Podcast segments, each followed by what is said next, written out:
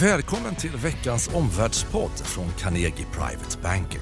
Det är onsdag den 29 januari. Vi spelar in klockan 14.00 idag. Det är ju en vecka där virusvarningar och börsbolagens rapporter har präglat marknadsläget. Vi ska reda ut båda ämnena för privata investerare och dessutom titta runt hörnet in i nästa vecka där startskottet går för primärvalen och presidentvalet i USA. Vilken faktor blir det i investeringsmiljön framåt? Med oss för samtalet har vi Peter Nelson som förvaltar svenska aktier på Carnegie Private Banking. Här blir det tre ämnen på tio minuter. Välkommen till Omvärldspodden. Vi startar med coronaviruset, eller Wuhan-viruset som en del kallar det, som ju i veckan har skapat börsoro både i Asien och på övriga marknader. Hur skulle du bedöma att eh, den här händelsen så att säga har smittat riskaptiten? Man kan väl säga att det blir initialt lite mer avvaktande eh, när den här osäkerheten eh, dyker upp. Samtidigt får man ju säga att det är otroligt svårt att veta vad det här ska ta vägen egentligen, en epidemi som den här. Eh, och hur det då i slutändan kommer att påverka ekonomin.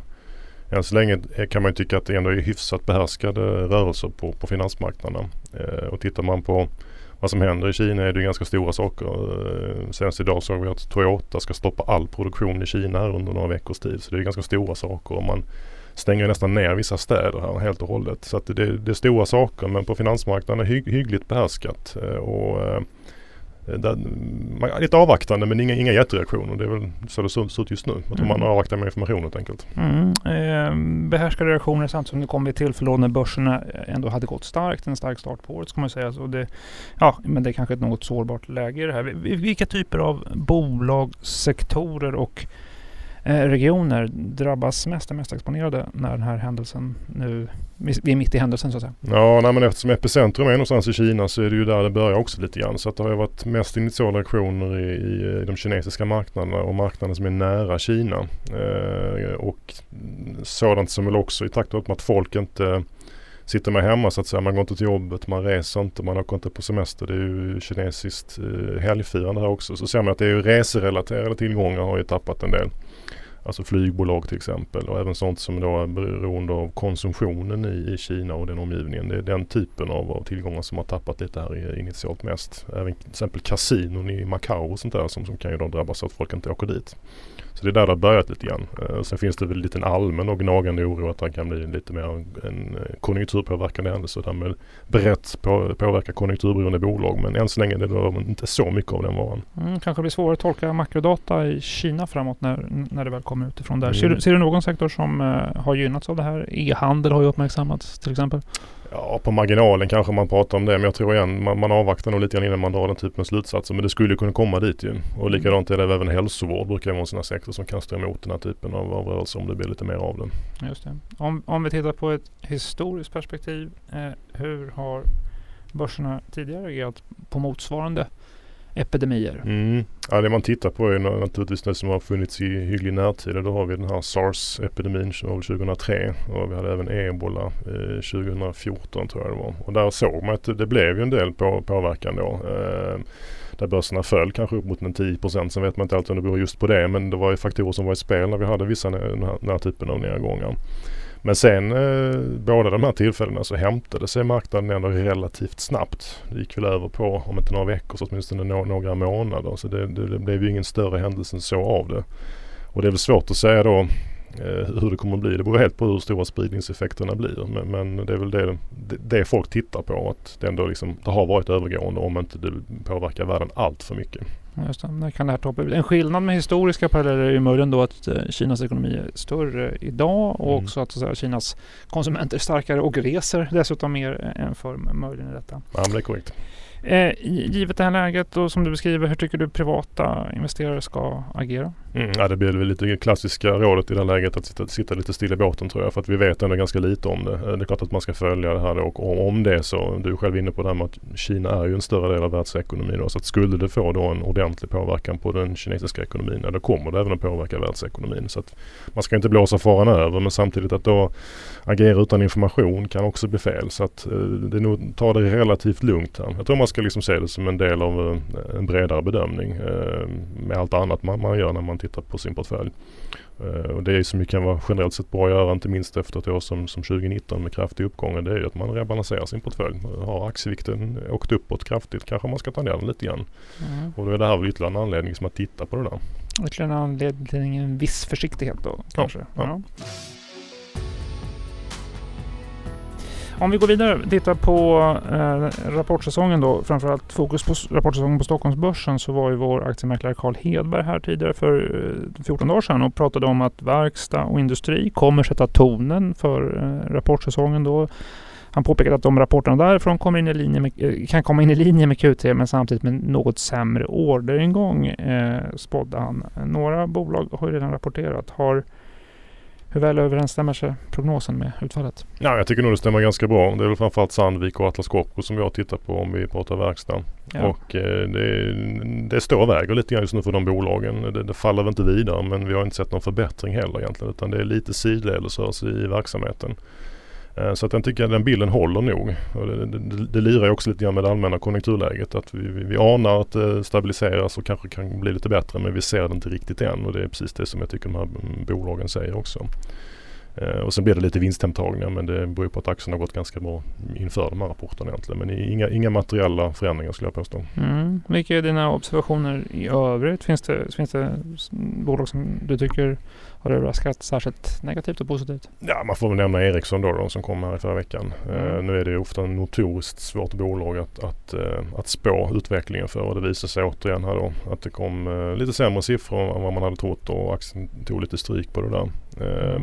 Men som sagt, det brukar se ut sådär. Det är en ganska typisk Ericsson-rapport egentligen. Men den får man ändå bokföra på, på minuskontot. Mm. Och ska vi nämna någonting på pluskontot så blir det ju, det var ju Swedbank som, där är väl i inte rapporten i sig kanske var någon jätteöverraskning. Men bara det att inte det kom något nytt eh, svart moln gjorde att ändå placerarna började ana lite liksom ja, lite, lite bättre tider kanske här så att den handlar man upp ordentligt. Mm. Eh, så att bank blir också intressant att följa, inte bara verkstaden. Visst momentum Swedbank och banksektorn. Mm. Eh, du har ju uppdraget att förvalta eh, svenska aktier då här på Carnegie Private Banking. Om du skulle nämna, nämna ett par aktier som vi gillar inför 2020, vilka vill du lyfta särskilt för lyssnarna? Ja, jag skulle nog säga Sandvik. De rapporterade förra veckan så där har vi fått lite information. Tycker de tar helt klart steg i rätt riktning och eh, har inte riktigt fått den uppvärderingen som de förtjänar jämfört med många andra verkstadsbolag. Så den gillar vi. Nu har vi ett vd-byte förvisso här i närtid då, då, som kan öka osäkerheten kortsiktigt lite grann. Men det ser ändå väldigt bra ut för dem. Och sen har vi Essity som vi gillar också. Tappade lite på sin rapport men eh, den kommer att hämta sig tror vi. Ehm, defensivt alternativ som inte är så konjunkturkänsligt vilket kan vara en fördel i den här lite osäkra världen. Gör det också väldigt bra och inte heller speciellt dyr faktiskt. Och sen skulle jag även nämna väl eh, Astra som är helt klart är tillbaka på tillväxtspåret efter några tuffare år. Så 2020 och 2021 kommer att vara bra år för Astra tror vi. Och där vi även har strukturella trender med, med åldrande befolkning etc. som talar för liksom hälsovårdssektorn generellt. Och så har de en bättre portfölj så att, eh, den gillar vi också. Tre bolag i tre olika sektorer. Eh, det funkar som en summering för ditt eh, eh, samtal här om rapportsäsongen. Alltså Sandvik, Essity och AstraZeneca-aktier vi gillar 2020. Till sist en titt runt hörnet på händelser nästa vecka när amerikanska primärvalssäsongen startar och drar igång. Eh, på måndag den 3 februari med primärvalet i Iowa. Vem som blir Demokraternas motkandidat är förstås en avgörande faktor för vilken faktor som det amerikanska presidentvalet får senare den 3 november i år. Marknadsrelevansen, vad som står på spel för investerare, det avgörs just av vem som faktiskt blir motkandidat. Det är förstås en stor skillnad mellan Bernie Sanders och Joe Biden som är frontrunners på Demokraternas sida. Vi går mot en period av primär, primärvalsosäkerhet som blir en faktor i marknaderna under eh, februari och mars. Först ut som sagt Iowa 3 februari, därefter följer New Hampshire. Super Tuesday den 3 mars eh, kan bli det första tillfället när vi får klarhet, eller i varje fall en känsla av vem som är Demokraternas presidentutmanare i detta. För investerare, ju tidigare vi får klarhet om vem som utmanar president Trump, desto bättre för marknadsläget. Ju fortare vi får reda på eh, vem Demokraterna är, eh, desto mer minskar osäkerheten om detta. Vem leder eh, på Demokraternas sida? Joe Biden har försprånget i nationella mätningar samtidigt som Bernie Sanders har medvinden. medvinden. Sanders leder just nu Iowa. Vinner han där kommer han få momentum. Han kommer få gratis medieutrymme, vilket ger mer finansiering och en större krigskassa med det där. Samtidigt är det här en lång process. Det kan pågå som sagt ända in till, till, till maj. Det kan svänga ordentligt med flera jokrar i leken som till exempel Mike Bloomberg. Men se upp, redan nästa vecka kan Sanders komma att skaka marknaderna Marknaden har underskattat Bernie Sanders. Sanders har möjligheten att göra en Trump från vänster. Han fokuserar sin kampanj på en fråga, sjukvårdsfrågan, som är en fråga många amerikaner bryr sig om på motsvarande sätt som Trump fokuserade på, på migrationsfrågan och invandringsfrågan. Han är också duktig på att förenkla frågeställningar, precis som Trump i detta. Och vem trodde vid motsvarande period Eh, för fyra år sedan att Trump skulle vinna Republikanernas eh, nominering. Sammanställningar av opinionsmätningarna som trackar vem som blir Demokraternas eh, presidentkandidat pekar på att det är nära nog, nära nog faktiskt dött lopp mellan Sanders och Biden. Ett visst försprång för, för Biden i det här. Dessutom så är det så att många av Demokraternas väljare uppger att de är beredda att byta kandidat. Det där kan ge hopp till Mike Bloomberg som är den senaste då aspiranten att avisera sin presidentvalskampanj. Så man kan väl sammanfatta det som ett öppet race, viss ledning för Joe Biden. Samtidigt eh, får vi då en tidig indikation redan på måndag nästa vecka och därefter så kommer Super Tuesday den 3 mars att ge en viktig eh, eh vägledning för vem som kommer utmana Trump. Vad är det mest gynnsamma för marknadsmiljön? Ja, allra mest gynnsamt, eh, förutom då en tidig klarhet, är eh, att en mittendemokrat som Biden eller Bloomberg eh, skulle vinna primärvalet på Demokraternas sida. Framförallt för att då försvinner en risk som Bernie Sanders och Elizabeth Warren utgör för de finansiella marknaderna. Carnegie är varje dag en mötesplats för kunskap och kapital. På måndag den 3 februari presenterar vi vår nya strategi och allokeringsrapport för privata investerare som är kunder. Måndag och tisdag 3-4 februari i Stockholm. Onsdagen är vi i Malmö, torsdagen i Göteborg och fredagen i Linköping. Kanske ses vi där. Nästa avsnitt av Omvärldspodden släpper vi hur som helst nästa torsdag. Tack för att du har lyssnat idag och välkommen att lyssna nästa vecka. Tack för att du har lyssnat på Omvärldspodden från Carnegie Private Banking. Vill du veta mer om vad som händer i vår omvärld och få aktuella idéer till affärer? Gå då in på www.carnegie.se veckans viktigaste och prenumerera på vårt nyhetsbrev.